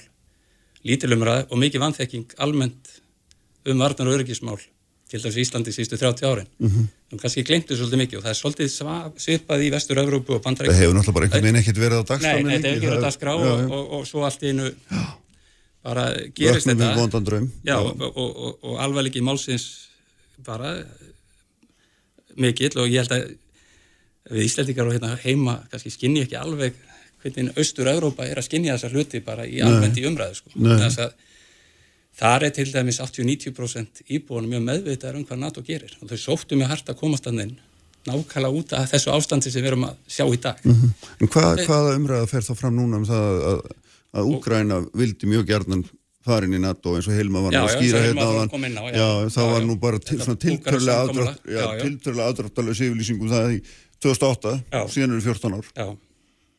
Við erum rétt ímyndið að flækjast í á þessu. Þetta er, þetta er rosalega erfitt og við, eins og Hilma kom inn áðan með Georgíu og innrás uh, rússa inn í Suður Osseti og Abkistan mm. uh, 2008 og þetta er svona svipað til Já, það sem gerist í Dombas já. bara sami hlutur í Já. 2014 Mjög svo. kringum krím þannig að, að það er erfitt að veita eftir að þessi staði komin upp þá fyrir náttúrulega að vera mjög erfitt að veita þessu ríkjum aðild það sem menn hafa, það, það ástand er í viðkomandi löndum Já, já, og þetta er þetta e, þetta er svo brotætt já, og eins og ég, mér fannst áhugavert e, Fríðrik Jónsson sem var að varnamannskristu auðaríkis Já. og núna hjá BHM sagði á rás eitt í vikunni að fólk þyrst af í huga að, að hvernig með fara allans með kjartnorskuvopnin með mismunda hætti í Lýraðsríkjánum og síðan í Rúslandi í Lýraðsríkjánum tæki verður bara sér í á, nákvæmna stöðu en í Rúslandi litu þau bara sem hluta vopnabrúnu mm, þetta er munun á Lýraðsríkjum og, og síðan öðrum. Og, og, og þetta er, það, það, það, þá fyrir við að sjá bara hættuna hvað þetta er erfitt. Að, að fást við, við, við hérna máli en það sem ég var kannski svaraði sem þú spurður áðan. Ég, ég var ekki varfið annan það verið gríðarlegu samhugur bæði inn í NATO-þinginu með þingmanna sem voru þar voru kannski aðeins færri og kannski um hundra á þessum fundi það var aðeins haft færri núna út af kótinu það voru líka hybrid, ég veit ekki varu margir á netinu. En e, bæði þar og síðan á fundinum í París með þingmann nefndi hérna á Erfjörn sambandsins að ræða þessi öryggis og varnamál að ég heyrði vallarödd sem að talaði fyrir það voru bara allir á sama stað sko. það er að gera sem hægt er að gera fyrir Ukrænu menn já, og, og, og reyna allt sem hægt væri sko. En þetta er ofbóðslega flóki og það, ég veit ekki hvað annað menn hafa akkurat núna heldur en að fara í svipaðar eins og Swift núna með, Já, já. með bre- bankakerfin og, og, og greiðslu og þessi viðskipta áhrif þar það er eitthvað sem við höfum ekki séð held ég og það er mikið yngripp það er það þessu. tekur, tekur tölvunan tíma að og virka svo og, horfum við náttúrulega mjög til eh, hvað Boris Johnson og, og breytandi gera varandi oligarkana í, í, í, í, í London Já, sérstaklega að ég held að það, það sé nú uh, mjög mikilvægt að, að, að það sé tekið alveg að, málum. Síðan finnst manni nú svona, maður getur nú talað sem þingmaður frjálslegur um hluti kannski heldur en stjórnvöldin. Það sem er að byrjast frétti núna með há- hágæða fatna Ítalíu og, og þeir vilja verja það Ítalinir og, og, og belgarnir demanta businessin hjá sér og svona. Já, já, austringsmenni bankastarfsemin já, þetta er ekki, þetta er ekki gott. Varðandi, varðandi samhug og, og, og sam, samstöð Nei, samstæðan er fljóta að rofna þegar finnst fara inn á þessa brautir. Þarna finnst mér, já, ekki verið að taka hlutina kannski með þeim alvarleika Nei. eins og, og úgræmin eiga skilið. Nei, það er svo, svo sannlega rétt hjá þér. Enda sá ég í morgun að því að þú tala um þetta, þá sá ég í morgun að, hérna, þetta voru bandaristjórnul sem voru að fjalla um hérna um svift málið og, og, þarna, og settur svo mikla fyrirvara að það, er, að það var reynilega vonlust að þarna, það hefði virka því að það átti bara að virka á banka, neða þú þurftur að skilgreina hvað væri orkuflutningur inn í einli transaksjón til þess að útiloka allt annað. Og, og hérna, þetta var bara svo flókið að það er auglust að menn alltaf þessa leiði þá þetta menn þetta ekki. Þá kannski getur komið út að ræða orkumálin. Það var þessi punktur sem ég hennu tekið upp í NATO-þinginu undan með sem við gerum þessu fundi núna. Svo breytist aðskráðan það mikið í París að maður gæti ekki komið inn á þessi mál. Það var svona svo umræðilega dætt út. Öryggismál Evrópu og orkumál Evrópu er mjög skild málefni svo erum við að tala um græna orku og, og lostaskiptin eða sem sagt orkuskiptin og, og þe- þessi mál. Þetta er bara málefni sem við þurfum að taka helstætt ríki eins og Þískaland, Ítalir og fleiri finnar við gríðarlega háðir orkunni frá, frá húsunum og jarkasinu að þetta þar ætti nú að vera held ég ef við ætlum að horfa til ykkur að framtíða þá getum við ekki verið með treyst þetta mikið á rúsnest jarkas og Nei. í Evrópu. Þannig að það sé allt undir þá er náttúrulega komin umræða núna innan Evrópsamsins og andi kjarnorku og síðan aftur jargaskíti þá annars það frá orðið skilgjens en grænt og allt það Já. en þetta er að orkan virðist nú koma allstæðar en öll mál hvort það sem er loslasmálin eða öryggismál bara Evrópu og þetta er nú svona það sem að það var greinilega fleiri og fleiri verðin að hugsa þetta finnst mér núna. Já, já, og já. kom fram svona í enga samtölum að, að þetta væri að verða stóra eitt af stæðstu verkefnunum að ná utan um þetta. Já, en það heldur þetta náttúrulega efnahag rúslandsgangandi og þannig að þetta skiptir gríðarlega miklu máli hvernig, hvernig þetta fari að- eins og þú nefnir sjálfur þú búin að ræða þetta oft og, Það er að já, þetta í já, já. En, en, en, en þannig að uh, mér fyrst við hefum sérstaklega að fylgjast með þá hvað gerist á okkar heimsluta sem eru þá Baltík og Norðurlöndin Mm. bara hérna Ísland, Lettland og Litáin og svo Finnland, Svíþjóð Já. og fylgjast vel með hvað er að gerast í þessu helstu nákvæmuna mm. löndum okkar. Við sjáum líka, Kristján, kannski alvarleika málsins eins og, og þetta fennu að breyta svolítið mikið hérna 2017-18 eh, kannski rætti, ég minni hefði einhvern veginn rætti til þætti það með uh, þegar bandaræmbyggjumenn og, og NATO fyrir að horfa hæ norð eða upp fyrir í norður norður ætlasæfi sko og skipin fyrir að koma hérna 2018 og, og þetta dæmi. Norm, eh, Normenn eru náttúrulega búin að setja gríðarlega fjár, fjármunund á þessum árum, eru að kaupa hérna orustu þóttu 52 F-35 að fullkonastu gerð, finnarnir voru að klára sinn samning við um kaupa F-35 ég er svona bara fyrir finna, þeir eru að verja 2000 km landamæri við Rúsland og það er ekkit annað, þeir verða bara að nota þóttu, þeir get ekki byggt upp land til að verja svona. Þannig að við sjáum og svíjarnir hafa að setja mikið inn í þessu mál. Og við sáum fréttinar fyrir ekki lungu nokkrum mánum með Gótlandi þegar skriðdreikanir voru konur á göttunar í Gótlandi og mikill aukin viðbúnar í, í, í Svíþjóð. Þannig að bara þetta eru nágrannar ríki okkar sem standa okkur allar næst sem eru komin í þessa stöðu. Þannig að, að, að það er ekki þetta eru allir lítið smáriki sem var í þessar umræðu og þeir segja það sjálfi sko, Danir, Svíjar uh, Normenn og, og, og, og, og Finnar. Uh, en það til dæmis að, að Svíja, Normenn og, og, og, og Finnar ætla að reyka hérna 200 vorustu þóttur af fullkonastu gerð. Ég held að það sýnir nú svolítið alvarleika hvernig þess að þjóði líta á þe þe þessi mál. Að Við þurfum að fara að ljúka Já. hérna bara östut hérna auðvitaðriksmálunend mun hún gera einhverja kröfur á stjórnmöldum einhver harðara viðbröð heldur en nú þegar eru komið fram hvernig Við náttúrulega fáum þessar kynningar núna semst að það fundinum í fyrramálið. Þá ræðum við Úkræn og síðan viðskiptaþinganir sem það sér dagskráliður viðskiptaþingan og Já. sem kannski reitt í að það þarf að ræða það sér, um sér dagskráliði í auðvægismál, málu nefnd og síðan aftur með ráðara á miðgutæðin stefnum við að það er mikill og góð samhugur í þinginu í þessar umræðu og í nefndinni Mhm. og við skulum bara sjá svona hvernig þetta þróast í fyrramáli en kröfuna sem við vorum kannski ímsið þingmenn voru með og svona umræðu fyrir helgi eh, bara núna um helgina finnst mér nú vera að tínast inn í það sem var rætt bara fyrir helgi, þetta er að gera svo hratt að eh, við erum hérna á sunnudegi. Og þetta eru, þetta eru sex daga sem við förum að sjá eitthvað gerast í austur Úkrænu og síðan stórin er á svona fyrir hvað þreim tögum þannig að þetta, nákvæmlega. við erum að fylgjast með hérna, mjög hraðri þróun og, og við þurfum bara að sína samhug með, með, með þessum þjóð, Úkrænum Nákvæmlega takk fyrir að koma hérna njáltrösti, deila þessu með okkur öll saman. Ég ætla að skipta þessum gýr hérna á eftir. Verða hjá mér Eva Högstóttir og, og Gunnar Ingi Jóhansson. Uppspretta frétta á Sprengisandi á bylgjunni. Fréttir, fróðleikur og frábær tónlist Bilgjan Bylgjan. Sprengisandur á bylgjunni.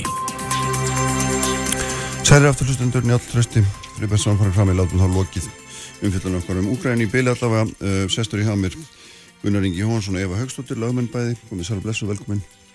Uh, skipta alveg um gýr. Ég ætla að, fara, ég ætla að tala eins við ykkur um þetta hvað maður kalla blamanna, skástrík símamál ekki nákvæmlega hvað það á að kalla þetta hérna uh, talaðum þetta hérna fyrir viku og, og, og þá svona komum við ljós mjög flott eftir það við vissum kannski ekki nákvæmlega hvað við vorum að tala um því að svo fór þetta nú, kom nú greinagerð frá lögreglunum sem fór bara með okkur í alltaf ráttir og þarna uh, skyndilega var þetta ekki þetta ekki um vend heimildamanna en eitt þessar heldur um, um uh, fríðhelgi engalís og, og, og einhvers kynferðislega myndband og ég veit ekki hvað með þetta er bara orðinni Hérna, en, en sko, hva, hvernig lestu þetta Gunnar? Er þetta ennþá í þínum huga einhvers konar inngrip í störf frétta á bladamanna? Er þetta enn einhvers konar eða er þetta komið eitthvað allt annað? Uh, ég lesi þetta þannig að, að þetta Þú varði... ert náttúrulega lögmaður aðstæðins, ég glemt að taka það fram. Já, Já, já, já, einmitt. svo það Já, ekki já, fram. algjörlega, Ég já. er lögmaður aðstæðin sem að hefur kert já, þessa skýrslutöku til hérstóms og uh, við lesum þetta ennþá þannig að, að þetta snúist um störf bladamanna og, og bara til dæmis uh, það að hafa kært þessa, uh, þessa skýrslutöku það var býstna afhjópandi vegna þess að uh, eins og nefnir þá svona, voru ekki mjög miklar upplýsingar sem að lögurinn hafi veitt um þessa skýrslutöku.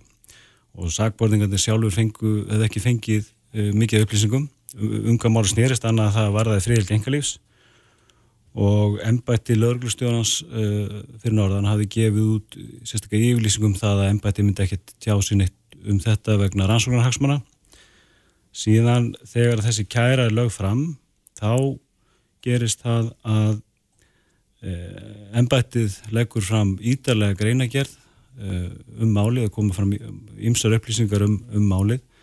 Og ekki bara það heldur uh, krefst lögreglan þess að þingald í þessu máli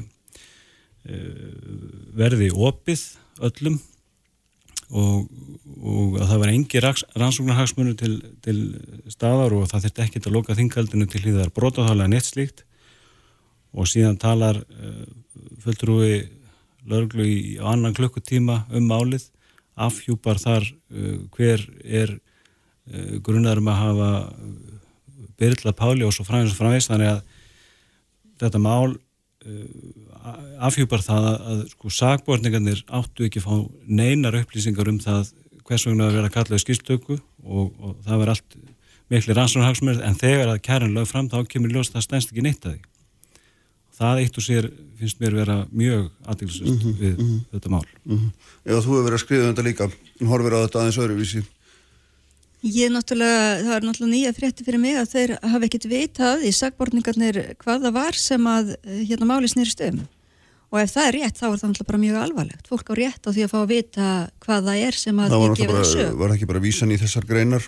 Já, en vísan í þessa greinar eh, sem að hérna, það kom nú fram í fjölmjölum fljótlega að það var 228. og 229. grein almennra hegningarlaga og af því þá dreg ég ekki það álegtun að þetta hafi snúist um vernd heimildamanna heldur um það hvernig þessara gag- gagna er aflað og ef það er rétt sem að kemur fram í greinagerð lögreglunar að uh, X hafi afhent uh, bladamönnum síma, ekki gögnur síma, heldur síma sjálfan.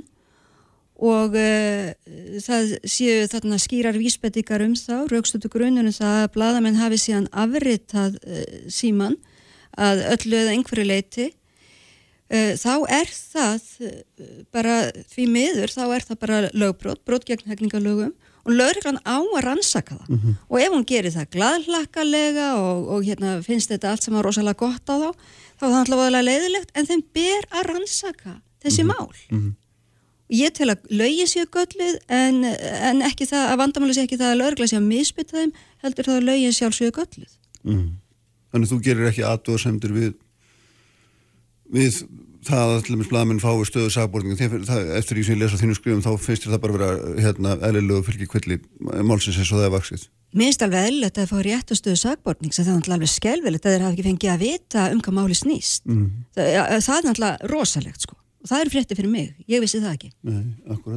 En er, er hérna, er þetta ekki tókum henni ekki aldrei skakkan pól í hæðinu upphaugunar því að mann skrifa alltaf mikið að fréttum með sjálf og það hefur verið gagnið mjög mikið og, hérna, og ég hef nú verið gagnið fyrir að tala hér í hausamóðunum á Brynjarinn í Ílsinu fyrir viku líka en þarna sem maður segir haldið þínu alltaf haga en menna, það var auðvitað ekki neinn vittneskja um um hvað máli snýrist þegar mann óður fram á riðullinu og, hérna, og fornæmdu þetta Sko, bara því sem haldið til haga mm. þá eru þessi ákvæði sem er undir, þessi, þessi ákvæði almennum hefninglegum, 228. og 9. grein, uh, það er í rauninni undanþáa í þeim lögum um störf bladamanna og uh, það segir í báðum þessum ákvæðum að ef að málefni, uh, ef að hátt sem er, svo það er mm. kallað, uh, varðar er réttlætalegum í vísan til almanna eða enga hagsmuna, þá er, uh, þess, er það ekki refsiverð hátt sem er og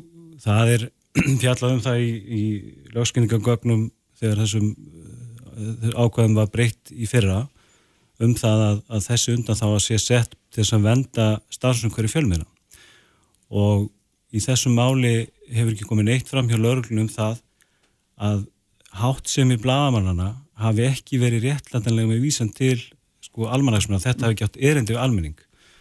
Og lögurlun álgast þetta bara eins og eins og þetta sé hátt sem er hvers annars eh, en ekki, ekki blagamanna mm -hmm. og, og þess vegna snýr þetta starfsöngurum blagamanna og það er heldur ekkert nýtt að uh, blagamenn njóti sérstuð og á því byggðu þessi viðbröð þeirra uh, þegar þeir voru bóðir í skýrslutöku vegna þess að það er marg kemur marg oft í fyrir mig mörgum dómum meðan mannreittinda dómslós Evrópu að uh, lauruglu eða yfirvöldum, það er á meðan lauruglu yfirvöldum, beri að fara sérstaklega varlega þegar að kemur að því að, að gefa til dæmis blaðum réttastöðu sagbortninga eða, eða jæfnvel ákjara eða eitthvað slíkt eh, vegna þess að þeir njóti sérstuð, þeir, þeir eru það sem kallað er eh, varðhundur almennings og allt þetta og, mm. og hafa auki tjáningafrelsi og þeir hafa til dæmis þess að það er búið að veita þeim sérstaklega undan þá í þessum tömur ákvæðum við getum nefnt til dæmis eh, personavendar lögin sem að margir óttast mjög og, og mörgum fjöturum fót fjölmjölum er veitt nánast bara uh, algjör undan þá frá öllum ákvæðum mm. persónuvendalega til þess að styrkja stansunkunni þennan. Þess vegna er þetta ekki bara eins og uh, það sé verið að rannsaka bara svona hvern annan. Nei, hvað segir þú um þetta? Mér fundist þú vera öndverðum eði hvað þetta varðar? Hver á að meta það hvað eru almannahagsmennir? Sko ef að lögreglan, mm. nún er lögreglan að rannsaka þarna, bladamenn og telur vantarlega að þar sé almanna hagsmunir undir, má lögreglan þá bara taka símanæður og afrita þá? Nei, hún það er dómsúrskur fyrir því. Ég get ekki lesið það út og greina gefnum þessu frumvarfi að markmiðið með þessari undan þáu fyrir bladan, það er hérna ekki undan þá, það er bara uh, hérna verið að tala um að það geti verið réttlatanlegt, það er að segja refsilaust. Mm að, að hérna að bladamenn, eða það er endar ekki tala sérstaklega um bladamenn, en ef það er réttlættalegt með tilliti til almanna hagsmuna eða enga hagsmuna geti það verið glæpur, kakvart einstaklingi eitthvað slíkt sko, að, uh, að þá eigi þessi ákvæð ekki við. En ég get ekki lesið það út úr lögunum eða greinagerinni að þarna hafi markmið verið það að gefa bladamennur ríkari rannsóknarheimildir heldur en lögreglu. Einhver þarf að meta hverju þessir almanna hagsmunir eru og það eru eh, valla bladamenni sjálfur sem að mega bara gera það? Eða hvað, eru við til í það bara að, að hérna eh, síminas Gunnarsinga sé afriðtar vegna þess að þú sem bladamaður telur að það sé þarna einhverjir almannahagsmunir og þú þurfur ekki að gera neina grein fyrir því, þú megi bara afriðtan og geima Já, ég veit ekki hvernig ég á svaraði en auðvitað er það þannig að, að bladamenn að fá þjófstólum gögn í hendur, ég með allir stærstu lekarnir síðustu ára er þetta þannig að það er verið að handla með gögg sem eru illa fengin í einhverjum skilningi þeim er lekið, þau eru trúnagögg, þau eru tekin og svo framvegis Já, Ég það getur það... vel verið að lögin séu gölluð en lögin eru svona og þess vegna, mm. þess vegna segja að lögreglan er ekkit að misbytta lögunum Nei. þau eru bara að skoða lögin, eru þau í lagið ekki? Já, þau finnst það ekki verið í lagið Uh, mér, finnst, mér finnst reyndar allt í lægi að bladamenn megi ekki afrita síma og öll gögn af síma og geima, bara öll gögn og við vitum ekki eins og hvort öll gögn hafa verið afritu í þessu tilviki. Kanski var þetta bara það sem að, hérna, að fór svo í fjölmiðla og þá horfir málið öðruvísi við. En ef að vera verið að hlaða niður kynlísmyndböndum eða einhverjum öðrum persónlegu gögnum, kannski einhverjum engasamtölum sem að koma málun ekkit við og allt það, Eh, þá finnst mér alveg eðlert að þeir fái rétt á stöðu sagbornings. En svo er annað í þessu. Við erum að tala þarna annars vegar um brot gegn fríðhelgi engalífs, hins vegar um sko kynferðisbrot. Og það búið að búa til uh, hérna, eitthvað sem heitir kynferðisleg fríðhelgi mm. og var sett inn í laugin uh, 2021 og það eru þessi laga ákvæði sem eru þarna undir þess að 220. og 8. og 9. greinin og mögulega líka, af því það nú talaðum það í þessari greina ekki á lauröglu þó að það sé ekki vísa til þeirra lagreinar þá geta það líka verið grein 199a eh, Gunnar, eh, Gunnar ekki veit þannig kannski betur heldur en ég hvort að það er en, en mér finnst ekki að lesa á þessar grein að gera svo eh, lagrein sé til skoðunar mm -hmm. og ef það er rétt eh, þá eru við að tala hérna um um sko mál þar sem að bladamenn geta hugsanlega verið hérna sakaðir um kynferðisbrot sem mér finnst algjörlega klikkað en er samt sem áður í samram við laugin og þar segja laugin sér gölluð mm. Þetta er bara ekki samram við laugin vegna þess að það er ekki verið að taka tillit til uh, þessarar, ég kalla það undan þáu uh, það er fjallaðum í, í lögskyningagögnum að þegar að menna ákvaða það að brotgeng þessum ákvaðum í fyrra ákvaða það að, að þau mati þau sættu saksón að þá fórum en að velta fyrir þessum punkti en getur verið að ganga inn á starfsvið fjölmjölum að gera starfsvið þeirra refsiverða. Þess vegna var ákveðið mm. að setja þessu undan þá ef að hátt sem er réttlætanlega með vísan til almanhagsmála og þetta hefur auðvitað, hefur reynd á þetta áður. Það er hæstiréttur fjallan þetta í máli þar sem að tölvupostar Jóninu Bendistóttur uh, komist einhvern veginn í hendunar á uh, bladamennum og úr því urðu tvö mál, annars vegar uh, mál gegn uh, 365 miðlum, þar sem að fjallavarinn þessu töluposta í, í samhengi við bögsmálið og annars vegar mál gegn uh, DFF, þar sem að byrst var personilegir tölupostar um ástasamband hennar við annan mann.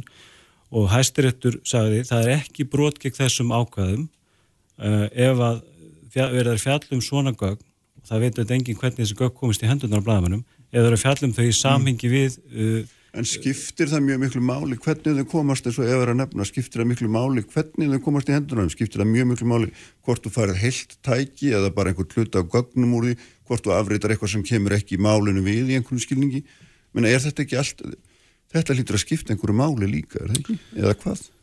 Ég sko, það, það sem liggur fyrir þessu máli mm. er að, að þessi sími, hann, honum var ekki stólið á neinum bladamennum Nei, nei, ég, er ekki að segja það, en, en þeir tóku við hún með svo viljastöður, er það ekki? Já, það er, sko, viljastöður allir, en hvað minn umbyggjanda var það, mm. sem kærir þessa, þetta mál, að þá veit lögreglan það, væntanlega, vegna þess að það er, það er bara samræð við staðrindir, að hann hefur aldrei séð neitt síma og ekkert sem að honum er fyrir utan það sem hann hefur skrifað um.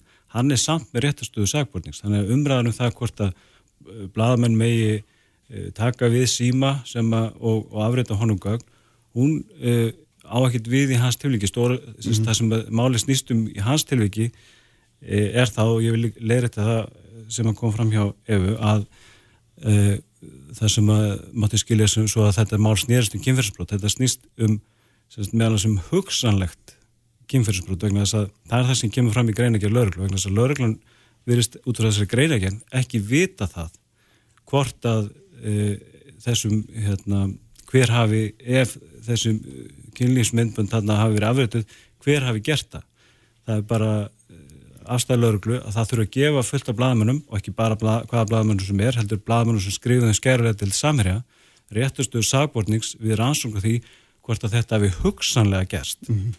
þannig að það er ekki lauruglan veit ekki eins og hvort að það sé til staðar ábrót í mál er hún ekki bara að reyna að koma staði?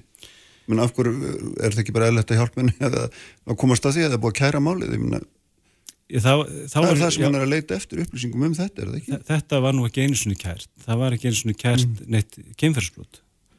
Það, er, hérna, það var kærður stöldur og síma og byrlun og hvorugt kemur blagamennun neitt við uh, og, og lögreglan er með sagt, í einhvers konar mm. enga rannsókn á því án þess að fyrirleiki kæra nokkus brotaþóla í málnu hvort þá er verið að rannsaka hvort að sko bladamenn hafi afritað e, einhver slík myndmönd sem voru á símanum en hefur ekkit, veit ekkit um það. Og þetta er það sem er, er unni, þetta alvarlega yngripp, það er að gefa bladamenn réttstu sagbórnist í, í, í því að vinnu mm -hmm. við, við að kanna hvort að það hefur átt sér stað eitthvað slíkt brot. Mm -hmm, Já Já, ég er í rauninni til þess á því að sé verið að, að aðtöga það vegna þess að sko í þessari greina gera þá kemur nú fram að hérna að það liggi fyrir tölvupóstar þar sem að verða að ræða um einhver kynlýsmyndbönd sem að vekur auðvitað grun um það að, að hérna einhver þessara bladamanna hafi séð þau eða séð með myndur höndum eða hafi dreiftum.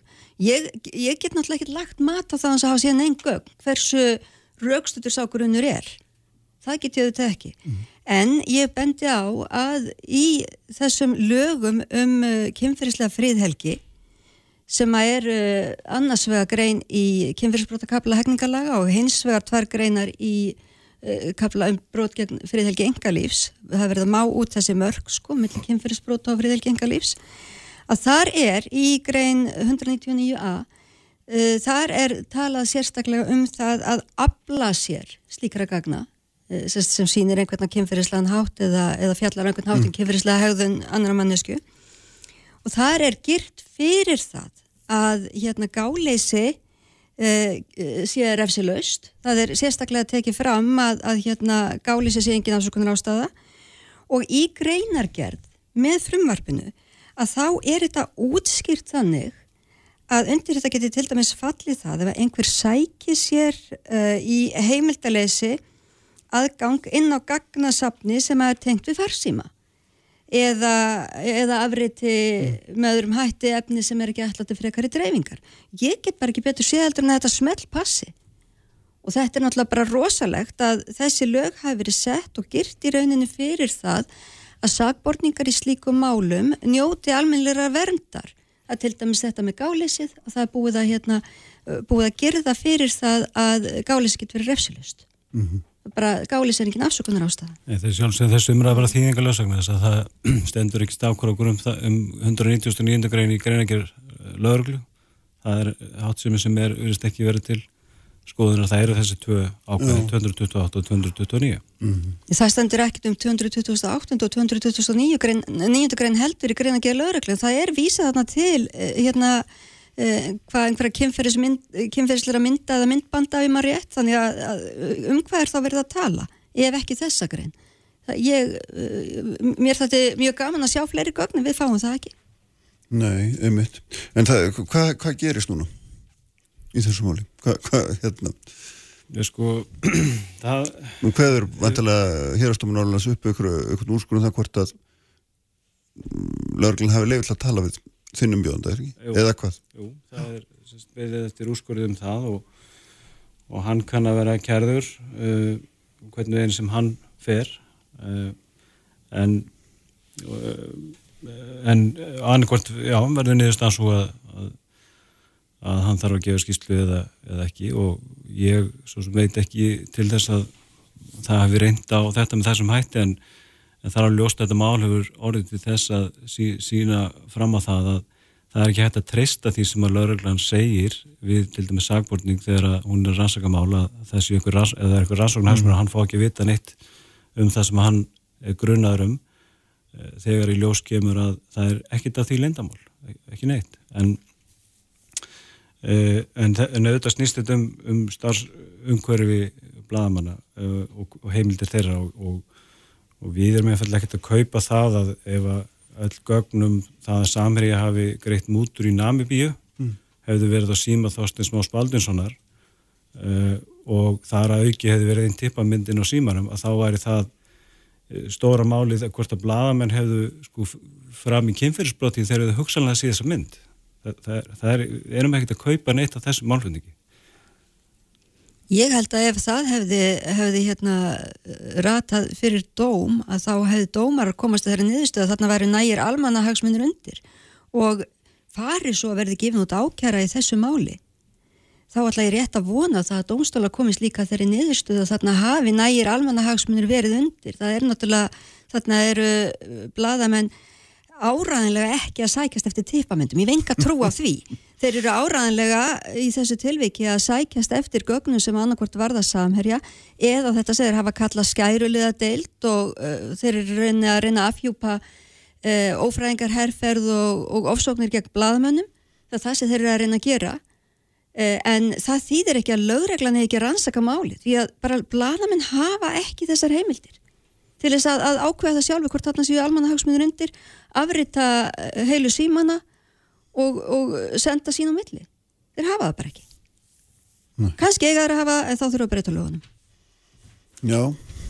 Það er, sko, þetta sjónamið er náttúrulega bara ekki neinu samræmi við uh, dóma sem að hafa gengið um, um hjá til dæmis mannreitnumstóla Európu um það að bara lauruglur rannsókn, einu sér, gegn bladamennum, geti falið í sér brotgið tjáningarfæls þeirra. Það hefur kælingar áhrif heimildamenn getur vist sem bladamenn sé að starfa með lauruglu það sé alls konar sjóna með uppi um þetta. Og þetta er bara ekki svo einfalt uh, að uh, lauruglan bara verði að rannsaka af því að uh, laugin séu göll eitthvað slíkt. Meiri segir laugin séu göll það stendur, þeim er bara veitt uh, sérstaklega undan þá í, í þessum lögum um það að svona hátt sem sér eftir laus ef hún ef hún málega verandi almenning og það er þetta sem að, þetta, þessi kæra meðan byggir á mm að e, þessi hatt sem er lauruglu, það getur vel verið að lauruglan lítið svona á þetta, sem við verðum bara að ansaka þetta og hvort að, hvort að verið fram við afbrót og, og hver hafi gert það.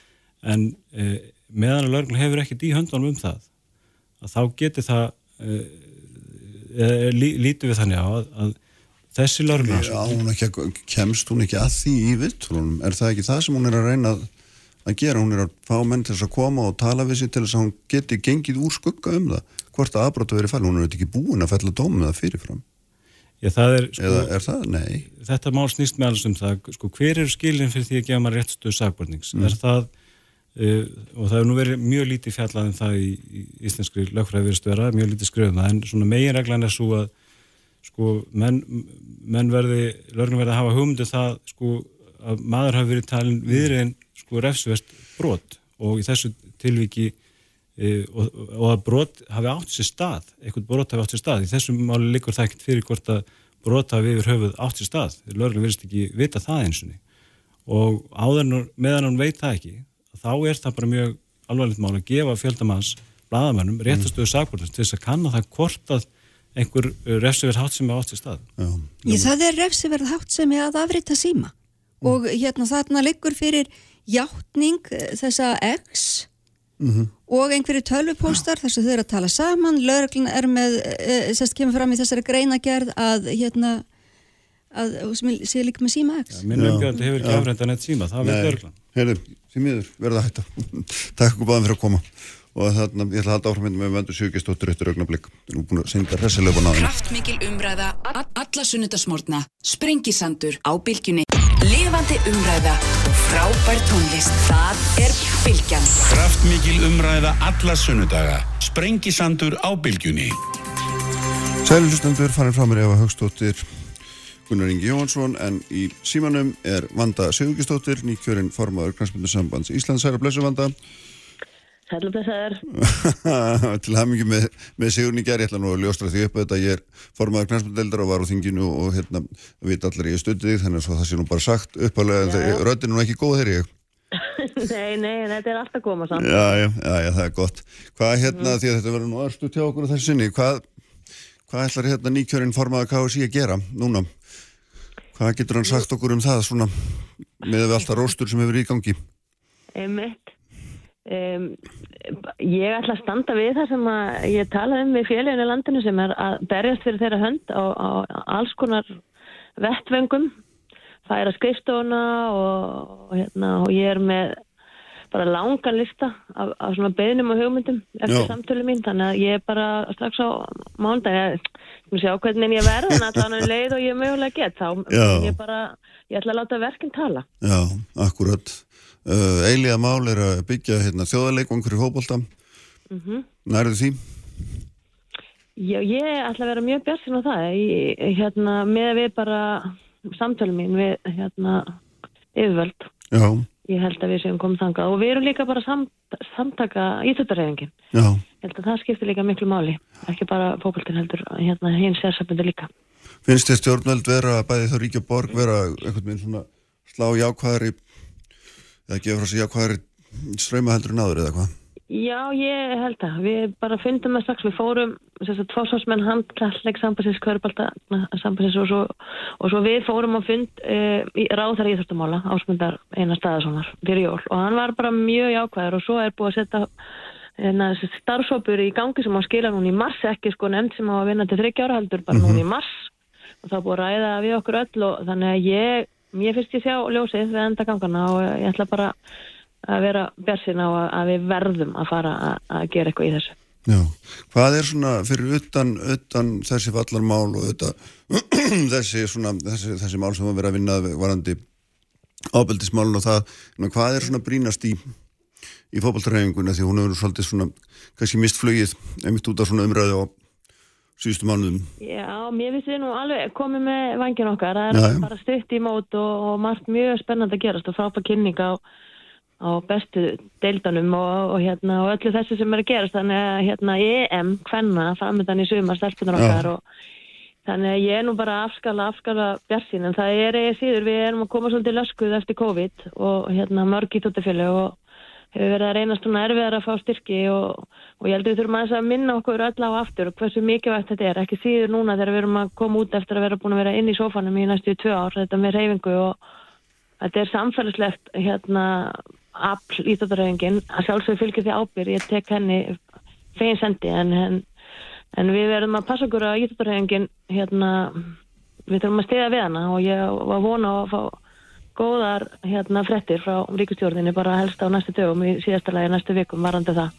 Ljómandi, takk fyrir þetta vanda að hvað það var stutt, hérna, tegðust úr umræðinu um stríðið. Þetta bara stundum, Það er það gengur, herðu, bestu kvæðjur, takk fyrir að vera með okkur. Ekkert mál. Sprengisvendi, látum við lokið í dag. Ég var Davíð Haldursson stýrið útsending eins og hann gerir alltaf uh, vísir.is, bilgjan.is er með allt okkar efni og svo hvar veitna það sem þið finnir hlaðvarp. Við erum með ykkur aftur eftir viku. Verðið sæl.